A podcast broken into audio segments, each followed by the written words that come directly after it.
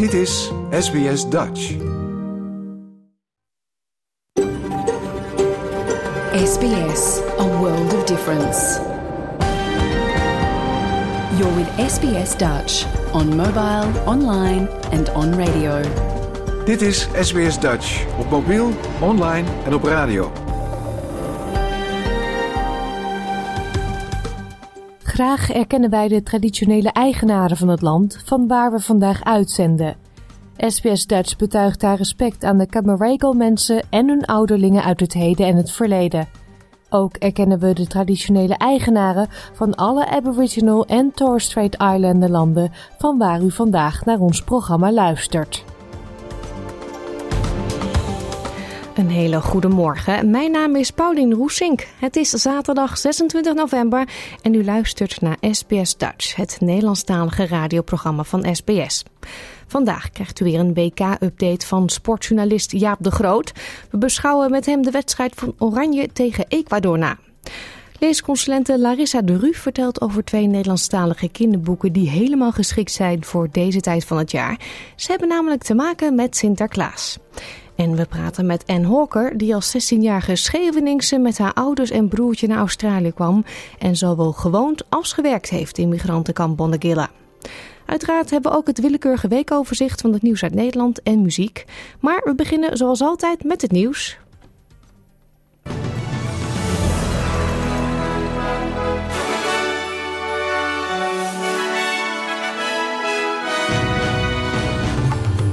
Dit zijn de headlines van het SBS Dutch News Bulletin van zaterdag 26 november. Victorianen naar de stembus voor nieuwe staatsregering. Verdachten voor moord op vrouw in Queensland gearresteerd in New Delhi. En Engeland en Verenigde Staten spelen gelijk op WK.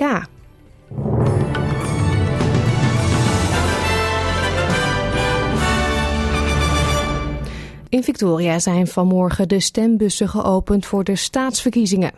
Victorianen hebben tot 6 uur vanavond om hun stem uit te brengen.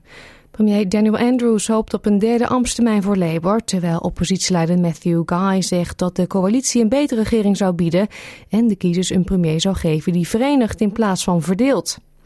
Meer dan 1,6 miljoen Victorianen, zo'n 37% van de geregistreerde stemgerechtigden, hebben hun stem vervroegd uitgebracht of per post gestemd. Dr. Jeffrey Robinson, docent politiek aan de Deakin University, zegt dat de aanpak van de pandemie in Victoria voor verdeeldheid heeft gezorgd. En dat zou een verklaring kunnen zijn waarom sommige mensen zo graag vervroegd wilden stemmen. The debate about the pandemic, of course, was very divisive, um, perhaps on sides both for and against the government. So I think that's motivated people as well. I think perhaps, you know, I think there's a lot more political uncertainty going on at the moment. You know, we saw the last federal election, lots of surprise results. Lots of people out there, I think, have decided to put up their hand and think, well, I can have my voice and I'm going to say it pretty loud. And we're seeing a fair degree of that, I think. De verdachte van de moord op een vrouw uit Queensland is na zijn arrestatie door de Indiaanse autoriteiten naar de Tiar-gevangenis in New Delhi overgebracht. Op 30 november zal zijn zaak worden behandeld. De politie was al vier jaar op zoek naar Raiwinder Singh in verband met de dood van de 24-jarige Toya Cardingley. Ze werd in 2018 vermoord terwijl ze haar hond uitliet langs Wangetti Beach bij Cairns. De autoriteiten van Queensland hopen op de uitlevering van Singh in Australië, maar het is onduidelijk hoe lang het proces zal duren. Politiecommissaris Catherine Carroll zegt dat de arrestatie gemengde gevoelens opriepen.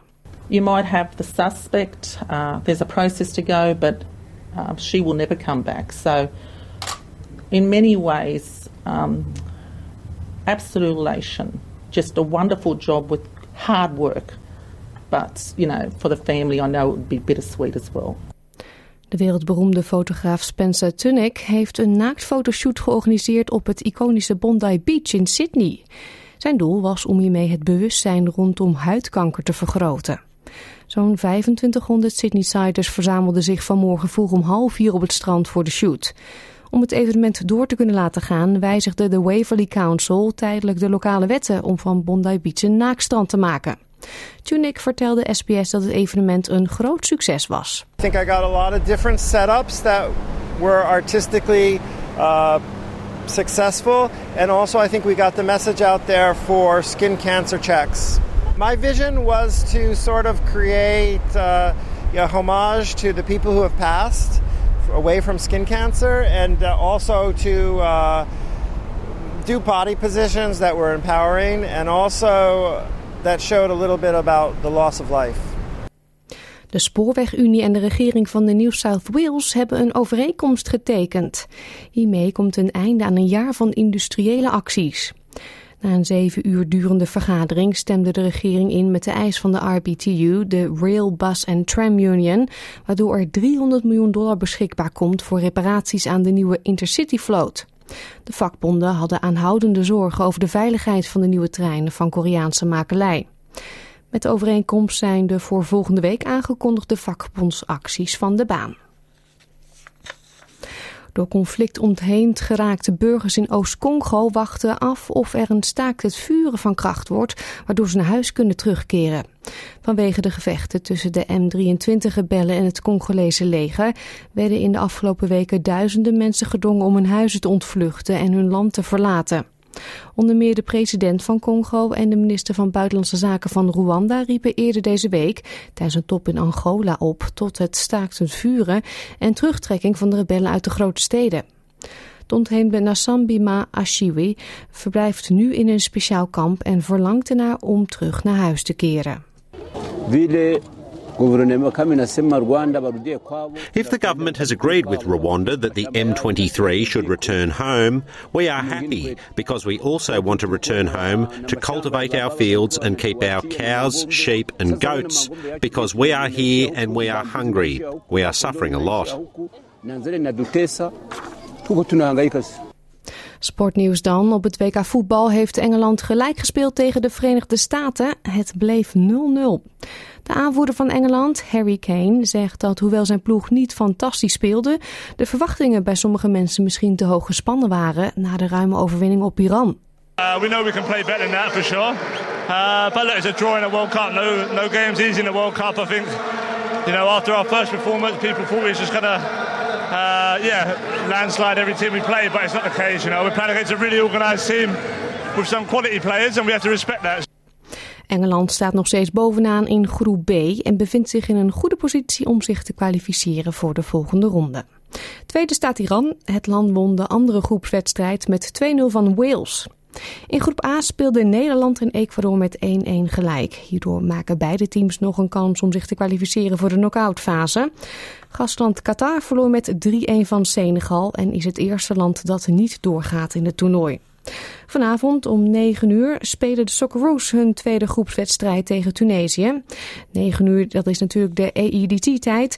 Het Australische team moet het doen zonder rechtsback Atkinson. Een blessure aan zijn enkel is door de wedstrijd tegen Frankrijk erger geworden. En hij wordt daarom vervangen door Fran Karicic. Australië zal op zijn minst gelijk moeten spelen tegen Tunesië om zich te, om zich te houden op de volgende ronde. De wisselkoers dan. Voor 1 Australische dollar krijgt u 65 eurocent. En 1 euro is op dit moment 1,54 dollar waard.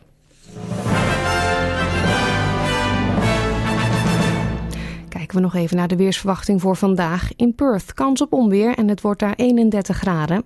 In Adelaide kan een buitje vallen, 27. Melbourne later op de dag ook buien, ook 27 graden daar. In Hobart kan het later op de dag gaan regenen, 21 graden. Canberra gedeeltelijk bewolkt, 25. Wollongong een paar buien, 22. In Sydney is het overwegend zonnig en wordt het 21 graden. Newcastle gedeeltelijk bewolkt, 24. Het is zonnig in Brisbane, 33. Cairns een paar buien, 32. En ook in Darwin enkele buien, mogelijk met onweer en het wordt daar 33 graden. Dit was het SBS Dutch Nieuws.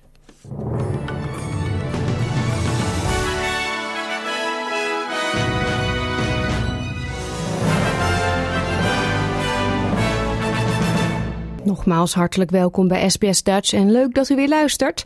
Straks het bijzondere verhaal van Anne Hawker, die woonde en werkte in Bonnegilla. En Sinterklaas leestips van onze leesconsulente Larissa. Maar eerst het WK voetbal. Dit is SBS Dutch. Het Nederlands elftal heeft vanmorgen vroeg met 1-1 gelijk gespeeld tegen Ecuador, maar dat had veel slechter kunnen aflopen. Eerder vanmorgen belden we met sportjournalist Jaap de Groot in Qatar voor een korte nabeschouwing. Jouw gemeenschap, jouw gesprek, SBS Dutch. Ja, vooraf uh, had Van Gaal al gezegd: we moeten meer balbezit, uh, we moeten heel secuur spelen. Want anders kunnen we wel eens in de problemen raken. Ja. ja, nou ja, hij, uh, hij had een vooruitziende blik. Want Nederland begon goed. Na rust kwam het op een hellend vlak terecht. En eerlijk is eerlijk, uh, het hellend vlak, uh, daar zijn ze opgebleven vandaag.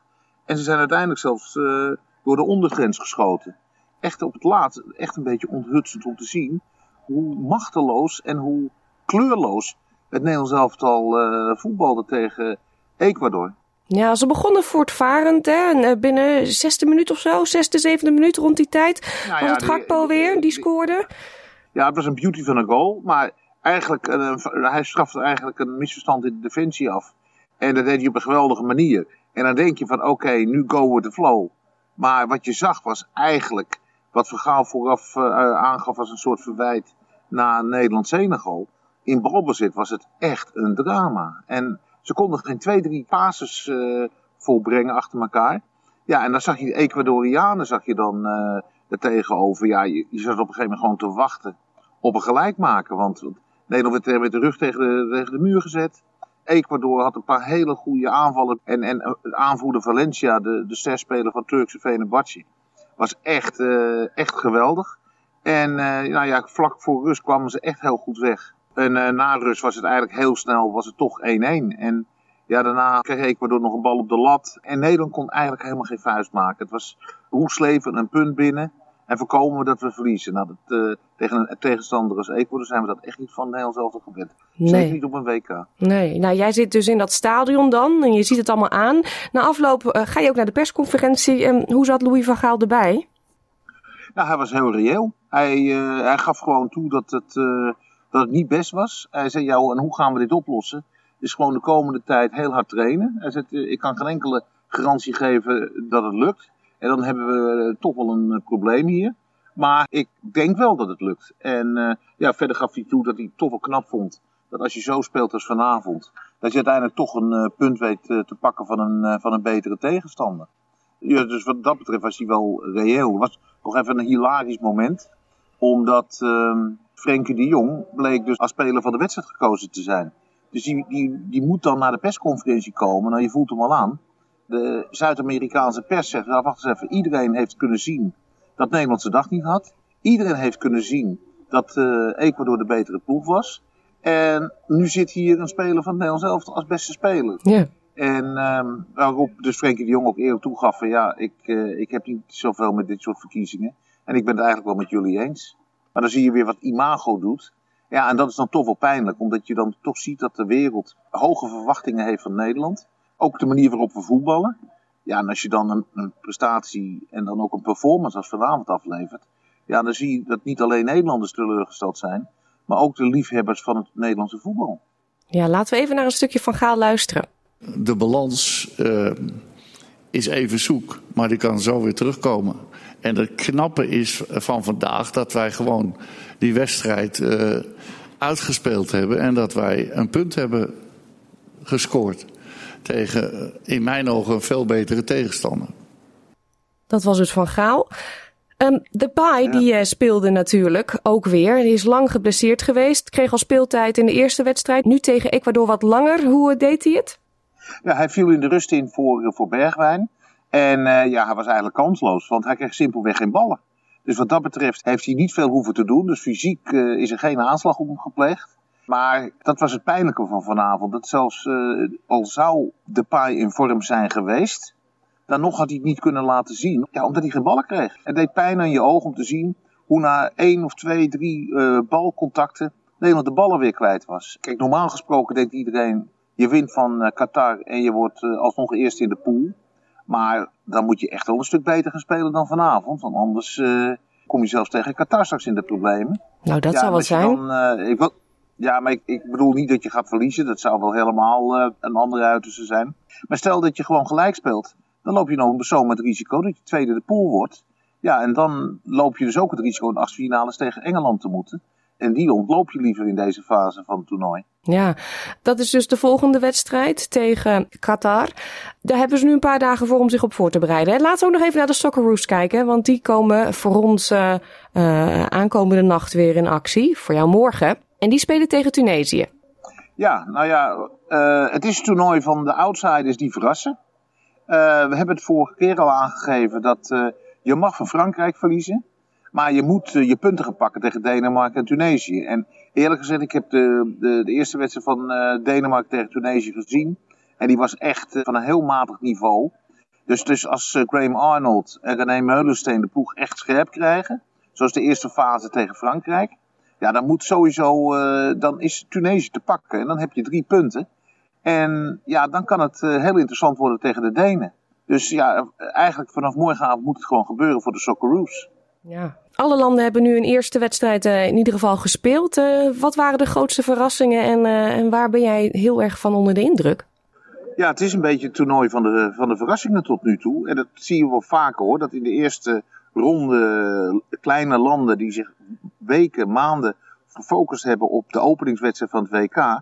Boven hun krachten uitstijgen. En ook door de korte voorbereiding, dat juist de sterkere landen nog even wakker geschud moeten worden. Nou, het overkwam Argentinië tegen Saudi-Arabië en het overkwam Duitsland tegen Japan. En ik moet ook zeggen dat ik heb van de week dan in ieder geval Canada tegen België zien spelen.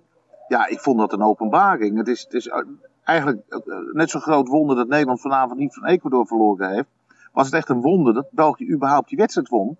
Want, want ze werden eigenlijk onder de voet gelopen door de Canadezen. Die maar één ding uh, nalieten, was scoren.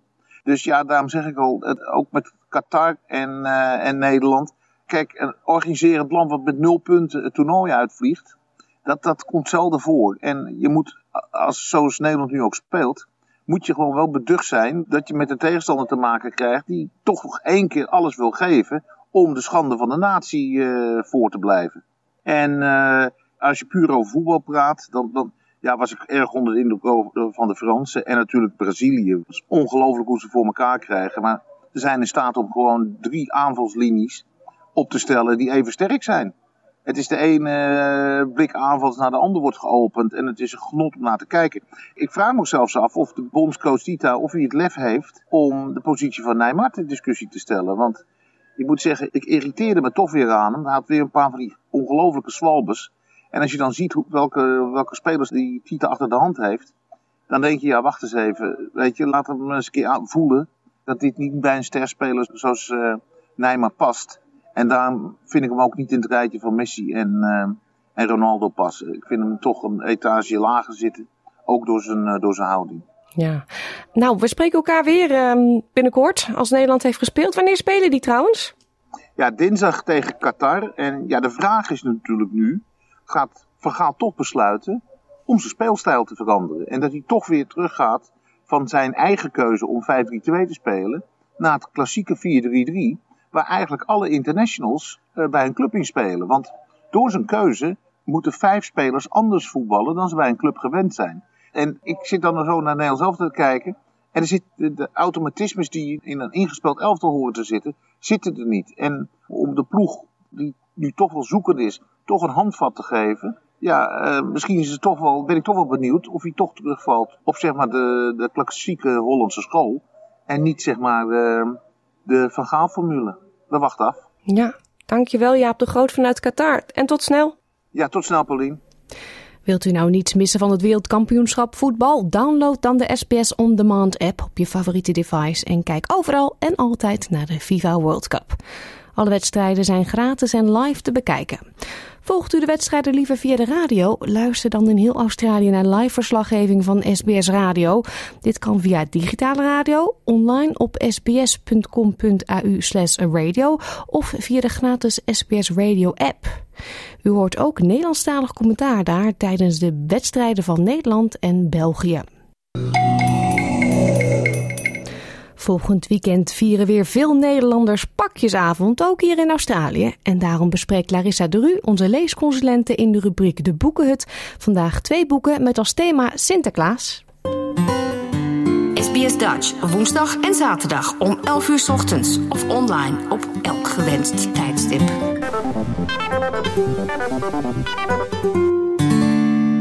We zijn in Sinterklaas-sfeer, eh, Larissa. En uh, daar heb je ook wat boeken voor uitgekozen, hè? Dat klopt helemaal, ja. Dat was nog wel uh, goed zoeken, want er zijn veel nieuwe Sinterklaasboeken.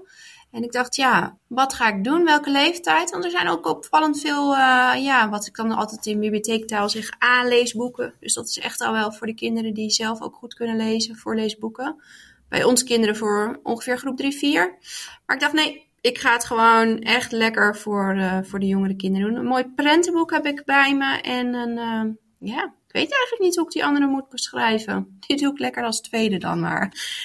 Um, als eerste, ik zou bijna al zeggen, een klassieker in, uh, in de Nederlandse boekenwereld. Een boek van Boer Boris. Ik heb net even opgezocht. Boer Boris bestaat dit jaar tien jaar. Het allereerste Boer Boris boek kwam uit in 2012. En Boer Boris is natuurlijk geschreven door uh, Ted van Lieshout. En uh, met illustraties van uh, Philip Hopman. En ja, ik denk dat iedereen van de luisteraars eigenlijk ook wel een Boer Boris boek moet kennen. Nee! Ik zit echt nee te schudden. Ik, mijn oudste is uit 2012, maar ik heb nog nooit daarvan gehoord. Echt? Echt de oude? Ja. Nee, nee, dat denk ik niet. Misschien is het gewoon mijn verkeerde aanname. Ja, je kunt hier niet om Boer Boris heen in Nederland. Maar nou, voor iedereen die niet van Boer Boris, die Boer Boris niet kent. Die mensen zijn um, er, heb ik uit betrouwbare bronnen ja. genomen. Uh, nou, Boer Boris is dus een, uh, een, ja, het is gewoon een klein jongetje die boer is en zijn eigen boerderij heeft met een gezellig paard. Het paard heet Knol en hij heeft kipjes en een hond. En Boer Boris beleeft eigenlijk elke keer een uh, heel mooi avontuur. Um, het tweede boek wat ooit uitkwam uh, heet Boer Boris gaat naar zee. Nou ja, die kan ik dus letterlijk nu nog uh, stukken van uh, voordragen. Want mijn kind is van 2013 en in 2013 kwam Boer Boris gaat naar zee uit. Um, dat was volgens mij ooit ook het prentenboek van het jaar. Dus dan krijg je natuurlijk altijd zo'n speciale kleine uitgave. Want alle boeken van Boer Boris zijn op rijm. Dan onthoud je ze lekker ook makkelijk. Dus dat past natuurlijk ook goed in het Sinterklaas thema. Ja. Um, ja, en de ene keer gaat hij naar de stad op bezoek bij zijn oma. En uh, er is ook eentje met de paashaas. Ja, ze zijn heel qua tekst gewoon, omdat ze op rijm zijn. En het verhaal is niet te lang. En op de tekening is altijd van alles te zien. Eén uh, keer voor de eerste ronde. En daarna zitten er nog details in. Dus het is echt wel een serie uh, om te promoten, vind ik. Nou, leuk. Eh, voor mij dus nieuw, maar misschien voor heel veel anderen niet. Ja. En hoe heet deze voor Sinterklaas? Nou, ik ga het je vertellen. Deze heet Boer Boris, een paard voor Sinterklaas. En wat misschien wel handig is trouwens, uh, voordat ik daarop inga. Als je nou denkt, hey, hoe ziet die Boer Boris eruit? Er is ook een website, uh, www.boerboris.nl. En het grappige is, er zijn ook veel filmpjes te zien. En je kunt bijvoorbeeld ook een download doen dat je de karakters van het boek kan uitprinten. En dan kun je een soort van verteltafel maken. Dus mocht je een snelcursus uh, Boer Boris willen hebben, de website. Zetten we een linkje op onze website. Ja, 16 delen zijn er. Maar deze gaat dus over uh, Boer Boris, een paard voor Sinterklaas. En uh, nou ja, even dus inderdaad voor iedereen die hem nog niet kent. Knol is dus het paard van Boer Boris. En Knol uh, wordt dus eigenlijk gevraagd om in te vallen voor het paard van Sinterklaas. Ja, waarom nou? Ik denk, ik lees een klein stukje voor, dan is het meteen duidelijk. Oh kijk, zegt Berend, er is post, een brief van Sinterklaas. Wat schrijft hij dan? vraagt Sam. En boer Boris zegt, hij schrijft dit. Helaas, helaas, moet ik vertellen dat wij schrokken met z'n allen toen hedenochtend vroeg mijn paard van de trap is gevallen. Hij hinkt, schrijft Sinterklaas, maar met rust komt alles weer goed. Maar hoe rijd ik op de daken als het zonder schimmel moet? Ik zoek met spoed een ander paard, een paard met sterke benen. Ik vroeg me af, boer Boris, mag ik Knol een weekje lenen? Nou ja, dan moeten ze Knol natuurlijk eerst klaarmaken om met Sinterklaas over de daken te kunnen rijden. En dan komt er dus een heel oefenparcours voor, uh, voor het paard. En dan komt ook nog een andere onverwachte held die ook op de daken kan. Maar dat ga ik lekker nog niet verklappen. Jammer. dus ja, hij is echt super leuk. En een goede natuurlijk voor deze tijd van het jaar. Ja, en extra leuk inderdaad dat die rijm in deze boeken zit. Ja, absoluut. Kunnen we alvast oefenen voor de gedichten. Nou, dat tweede boek ehm, ja, is ook qua formaat heel anders. Het is eigenlijk een soort van uh, nou, tussen A5 en A6 formaat in. Een heel klein boekje. En het heet uh, het Sinterklaas ABC.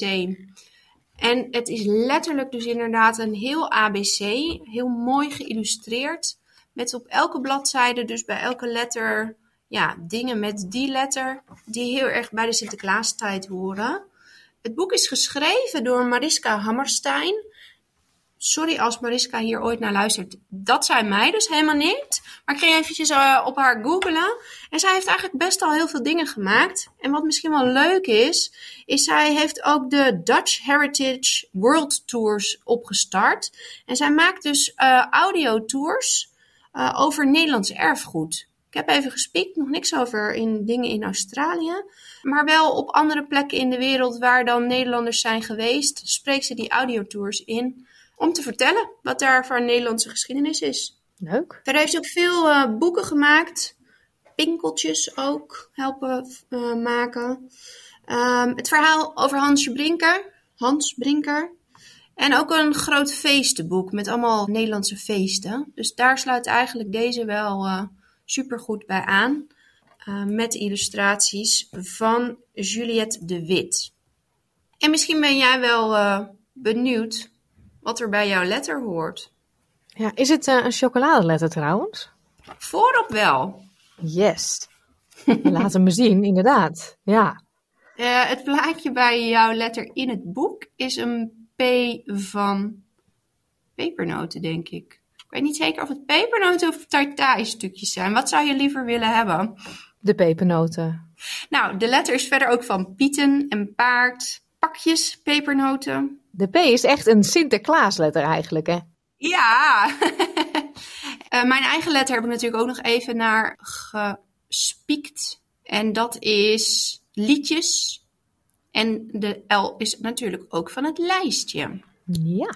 Nou, zo is elke bladzijde dus, uh, ja, gaat over waar, wat er allemaal bij Sinterklaas hoort. En aan de ene kant een hele leuke illustratie en aan de andere kant dan die opsomming. Um, dus het is niet echt een doorlopend verhaal, maar meer gewoon iets waar je kriskras doorheen kan gaan en lekker kan speuren.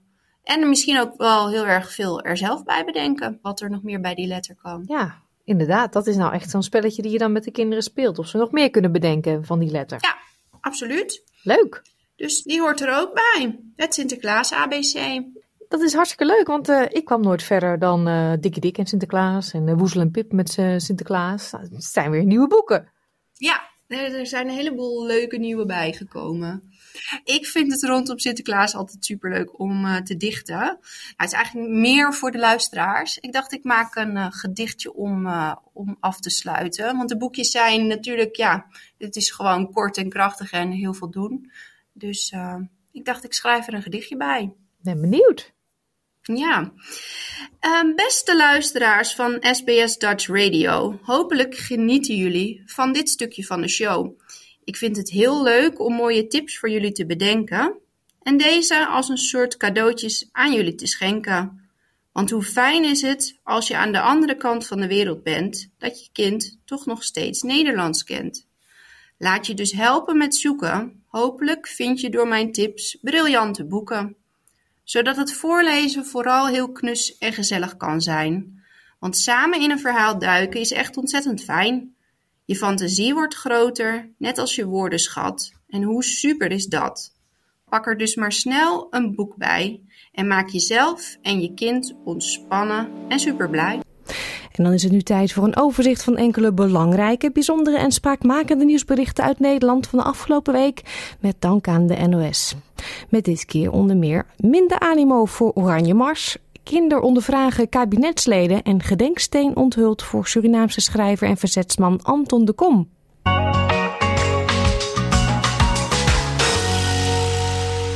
Het is inmiddels een heuse traditie, de Oranje Mars tijdens een groot voetbaltoernooi. Ook in Qatar liepen voor aanvang van de eerste wedstrijd van het Nederlands elftal een paar honderd fans achter de oranje dubbeldekkerbus aan naar het stadion. De bestuurder van de bus ziet dat er een flink stuk minder supporters meelopen, maar heeft hoop voor de rest van het toernooi.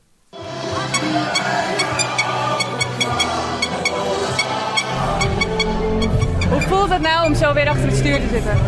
Ja, geweldig. Heel veel moeite voor moeten doen en uh, heel veel tijd ingestoken, iedereen. En ja, dan ben ik al uh, twee weken geleden naar hier gevlogen om alles te regelen met de bus uit de seapoort te krijgen en uh, dergelijke. Ja, en dan nu uh, ja, de eerste parade.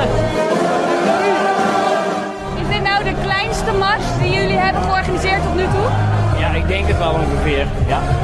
Maar ja, het, het groeit natuurlijk. Dus. En ik denk dat er de volgende marsen ook weer meer van andere landen mee gaan lopen. Het kabinet zoekt miljarden om de begroting weer in evenwicht te brengen. Door de hogere rente is de staat veel meer geld kwijt. Sigrid Kaag, de minister van Financiën, zegt dat de najaarsnota een voorwaarschuwing is voor wat komen gaat. Ik maak de geesten rijp voor het feit dat er niet elk probleem opgelost kan worden door de overheid. Uh, dat we rustig moeten bekijken hoe we de meest kwetsbaren altijd zullen beschermen, kunnen helpen. Maar dat er ook een, een einde is aan wat we wel kunnen doen. En dat we daar heel zorgvuldig mee om moeten gaan. En dat we ook moeten kijken naar een afbouw van wat, zijn, wat enorme, uh, historisch grote steunpakketten zijn geweest. Vluchtelingen in een noodopvanglocatie bij Lexmond hebben weer een frisse koep dankzij enkele inwoners van het dorp. Ze knipten ze gratis en voor niets. U hoort een van de initiatiefnemers. Nou ja, we zagen met het bouwen van, van dit complex wat er nu is, van dat er niks is. Uh, alleen tafels en stoelen en een bed. Uh, dus we wilden graag wat voor ze betekenen. Uh, zodat ze een dagbesteding hebben, dat ze iets kunnen doen. Hè? Want anders zit je hier maar 24 uur per dag. Uh, en wilden we graag zo wat voor ze betekenen. And uh, that is fine. Sí, es muy bonito. Me like uh, Lexmond. Nice city. Het is heel mooi om te zien als mensen elkaar echt gaan ontmoeten en in de ogen kijken. Dat hebben we eigenlijk ook verteld voordat de mensen kwamen aan het dorp en echt uitgedaagd of uitgenodigd. Uh, doe dat nou gewoon eens. Ontmoet iemand, ook uit een andere cultuur.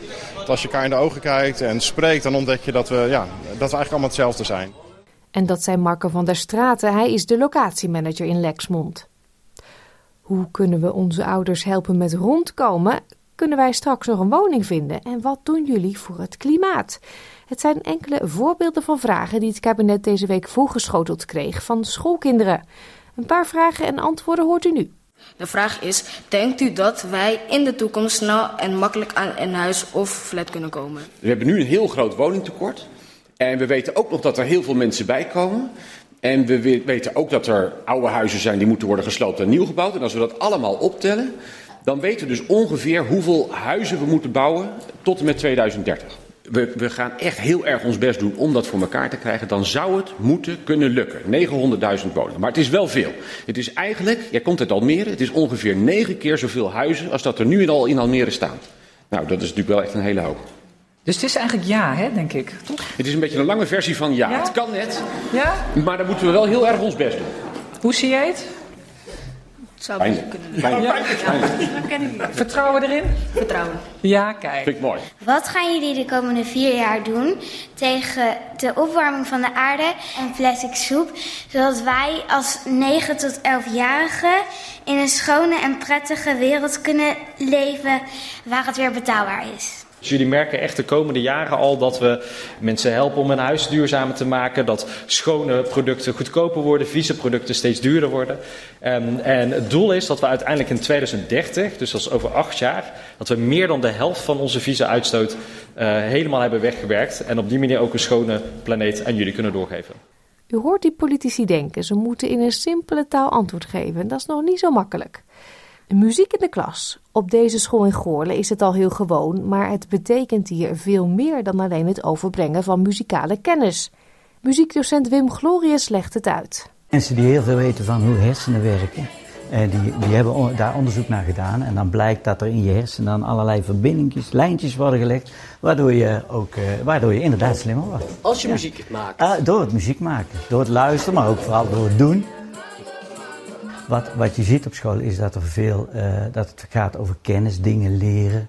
Natuurlijk leren we bij muziek ook, maar er zit nog een ding bij. Dat is dat je je gevoel kwijt kunt. En dat je, er, dat je ja, jezelf kunt uiten uh, in muziek. En dat, dat, leer je, dat leer je daar ook mee. In de Nieuwe Kerk in Amsterdam is deze week een gedenksteen onthuld van de Surinaamse schrijver en verzetsman Anton de Kom. In de kerk worden meer literaire grootheden geëerd en Anton de Kom mocht niet langer ontbreken, zo vond de kerk. Dochter Judith de Kom was bij de onthulling aanwezig. Ik vind het uh, ontroerend mooi ook, de het ontwerp. Ik had niet verwacht dat zo'n grote steen uh, zou zijn. En hij hoort nou ook echt bij de andere schrijvers, bekende schrijvers. En uh, ja, hij wilde vooral op de eerste plaats schrijver zijn. En het, het zat gewoon bij hem van binnen. Het verzet en het, hele, hele verleden. Ook omdat hij natuurlijk die familie die in slavernij waren geweest. En uh, in, die heeft hij gesproken als jongen. En dat heeft een enorme indruk op hem gemaakt. En tot zover het weekoverzicht van deze week met dank aan de NOS.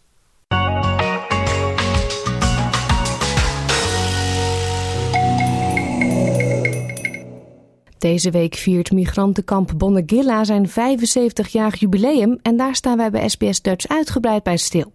Op woensdag vertelde erfgoedhistoricus professor Dr. Bruce Penney onder meer hoeveel Nederlandse migranten in Bonnegilla gewoond hebben en hoe het leven daar was.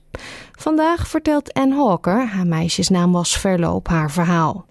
In 1952 kwam ze met haar ouders en broertje vanuit Scheveningen aan in Bollegilla. Ze was toen 16 jaar oud.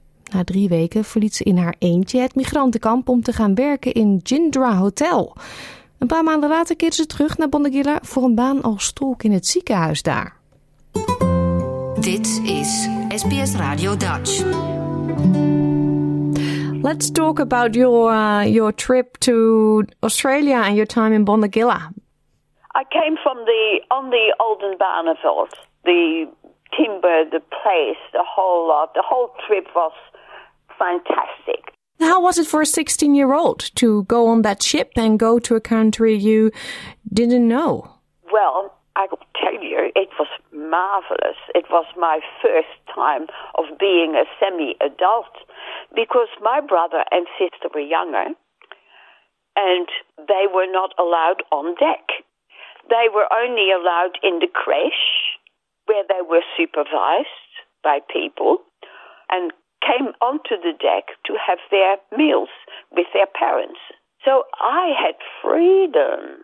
Yeah. and, and that was, and of course, all the migrants on the ship, they were mostly families. So there were lots and lots and lots of young people as well.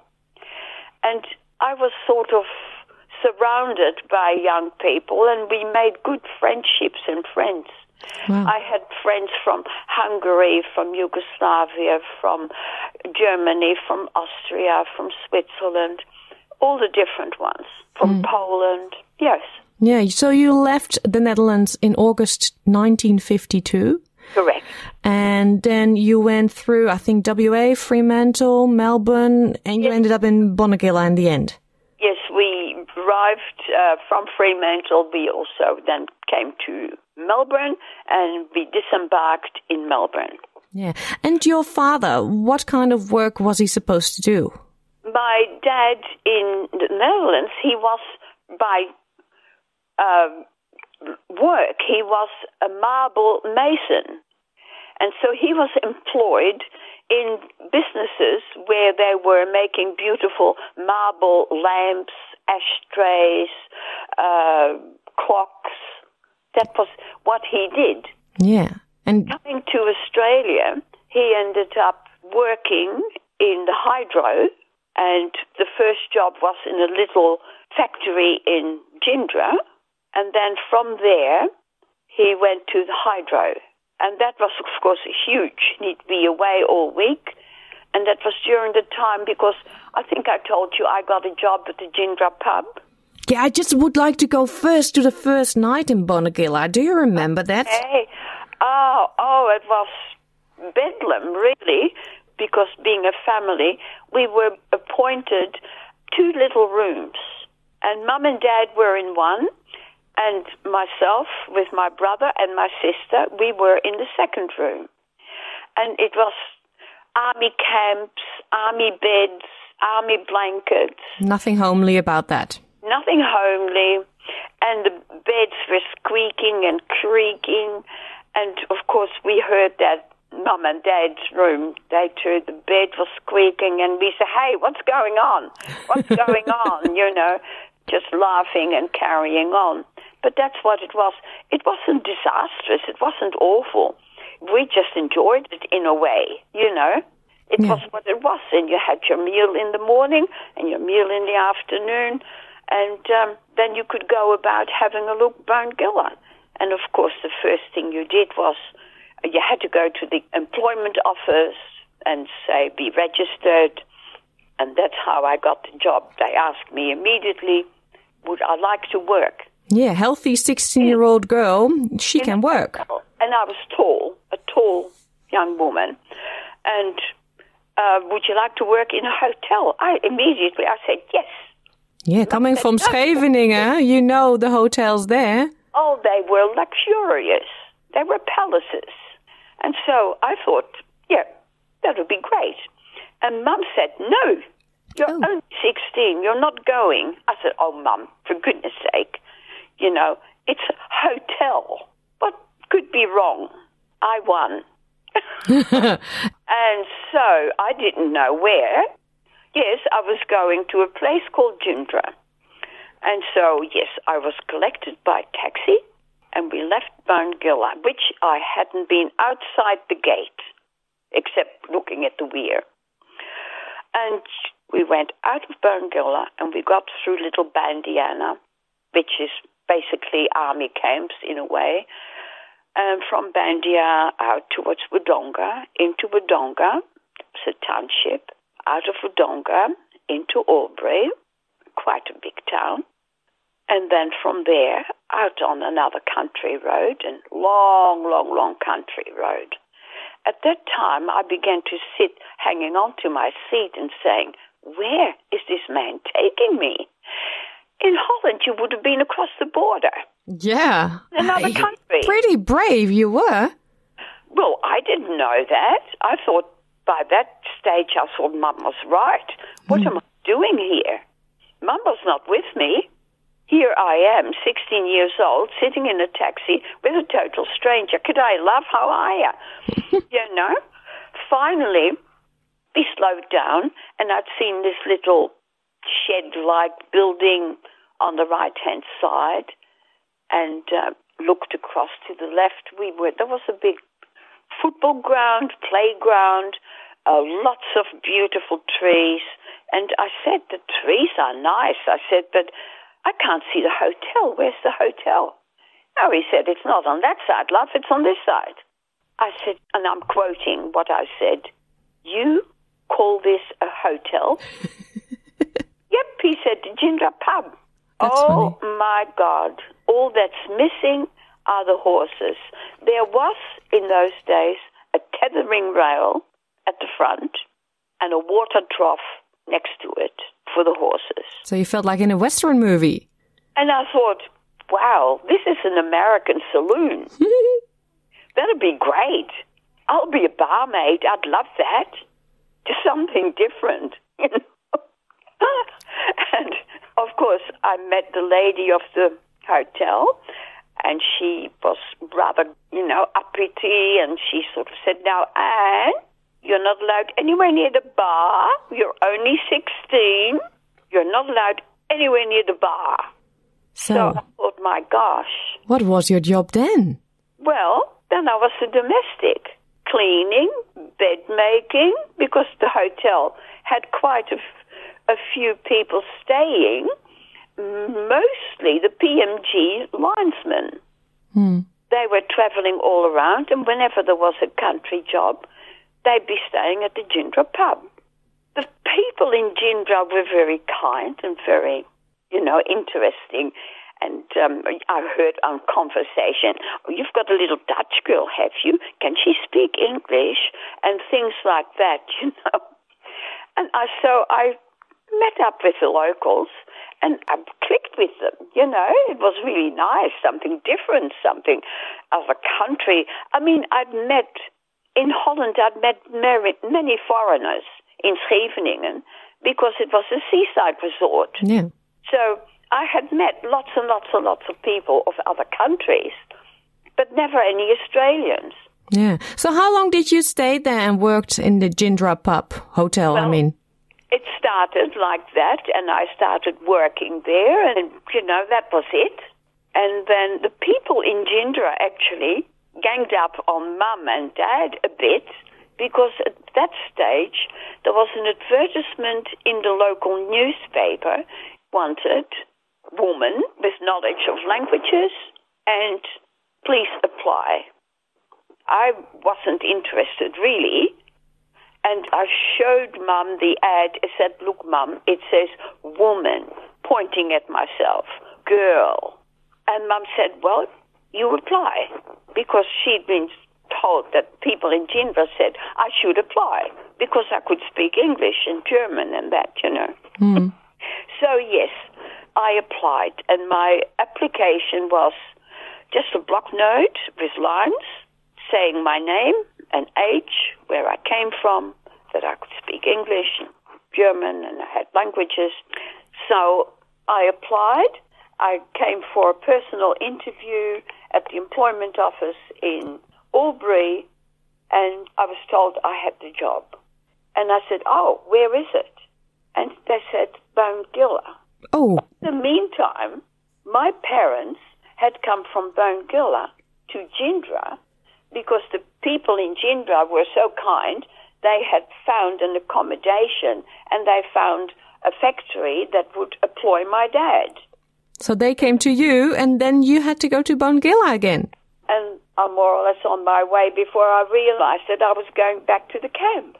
Yeah. So did you have to stay there too, or could you come back to uh-huh. home after work? Well, no, it was from Bongilla. It was probably 30, 40 kilometers. Yeah. How did that feel? Well, I'm young. I thought, okay, what, what do I do? Well, you have a room here in the camp. You have an office at the hospital where you work. Yes. So you got a job in the hospital as a translator. It was in the office of the Bongilla Hospital. Now, the Bongilla Hospital was, of course, an army hospital in the first place, was big. All the wards were about 40 meters long Oh yeah. and beds on both sides. And there was a woman's, men's, children's, contagious, and general. Hmm. And the people who worked there were mostly refugees that had come by ship to Bongilla. Hmm. Now, there were at least five doctors working there from the different countries who could not work as a doctor. They were employed as male or female medical orderlies. Oh yeah. Um, there was one female doctor. And you had to translate for the patients Yes, between. they, they all spoke German because they'd been, many of them had been for several years after the war in the refugee camp in Germany. So they were doctors not working as doctors, they were not employed by, they were in that camp for several years before they came to Bongilla. In the end, you worked for four years at the hospital, and you were only three weeks in Bonagilla as a migrant, as such, as before you moved to uh, Jindra for the job there. And I was in Gindra for only, for less than five months. So, can you compare it, your time as the um, migrant, the first three weeks, and then later when you worked there? Was it different? Um, well, the first couple of weeks I was just there- there as a, a little girl with my mum and dad. Yeah. And you could look around, you could see the rear, you could see those sort of things. You could go to the local cinema um, and um, different things like that. And of course, you met up with all the other people from different countries. Yeah. Working there, meeting up the people you work with at the hospital was no problem. Did you go back to Jindra to see your parents? That was quite a trip because I could catch the bus to Wodonga, then catch another bus to Albury, and then hitchhike Yeah, how do you look back at the time in Bonagilla? With amazement that we did it, not so much for me because I'm young, you adjust, but my parents, how they had to adjust from living in a seaside resort sparingly because we weren't rich, but we had the beach to go to, we had freedom, you know, a normal life at a seaside resort. Mum wasn't working, but Dad got the job in the little factory, which was close to the pub, and she had to adjust to cooking with kerosene and pulling water up out of the well. I never thought of it at the time because you're a child and you just go along with it. But later on, I thought how mum managed to just adapt to that without complaining because there was no point in complaining. You were there. And eventually, they liked where they were. They got to know all the people. Eventually, they bought a block of land in Gindra and built a house. Oh, so they really settled there. So they settled down there. Yeah. Are you still in the area? Oh, not far. It's about, oh, maybe 10 kilometers from Albury. Not even that.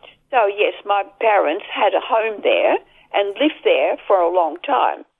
But Bongilla was much further away, so even when they were living in Gindra, I did not see them. I had to hitchhike. I think uh, you were a very brave teenager. Oh, I don't know whether I was brave or stupid or just. Thank you so much for sharing your story. En met dit prachtige verhaal van Anne Hawke komen we aan het einde van dit uur SBS Dutch. Wilt u onze verhalen nog een keer beluisteren? Ga dan naar onze website www.sbs.com.au Dutch. Hier kunt u ook al onze andere verhalen en podcastseries terugluisteren. Heeft u een smartphone of tablet? Download dan de SBS Radio app. Dat kan gratis in de App Store of in Google Play. We sluiten af vandaag met Als de zon schijnt van André van Duin. Ik wens u een heel fijn weekend en heel graag tot woensdag. Like, deel, geef je reactie. Volg SBS Dutch op Facebook.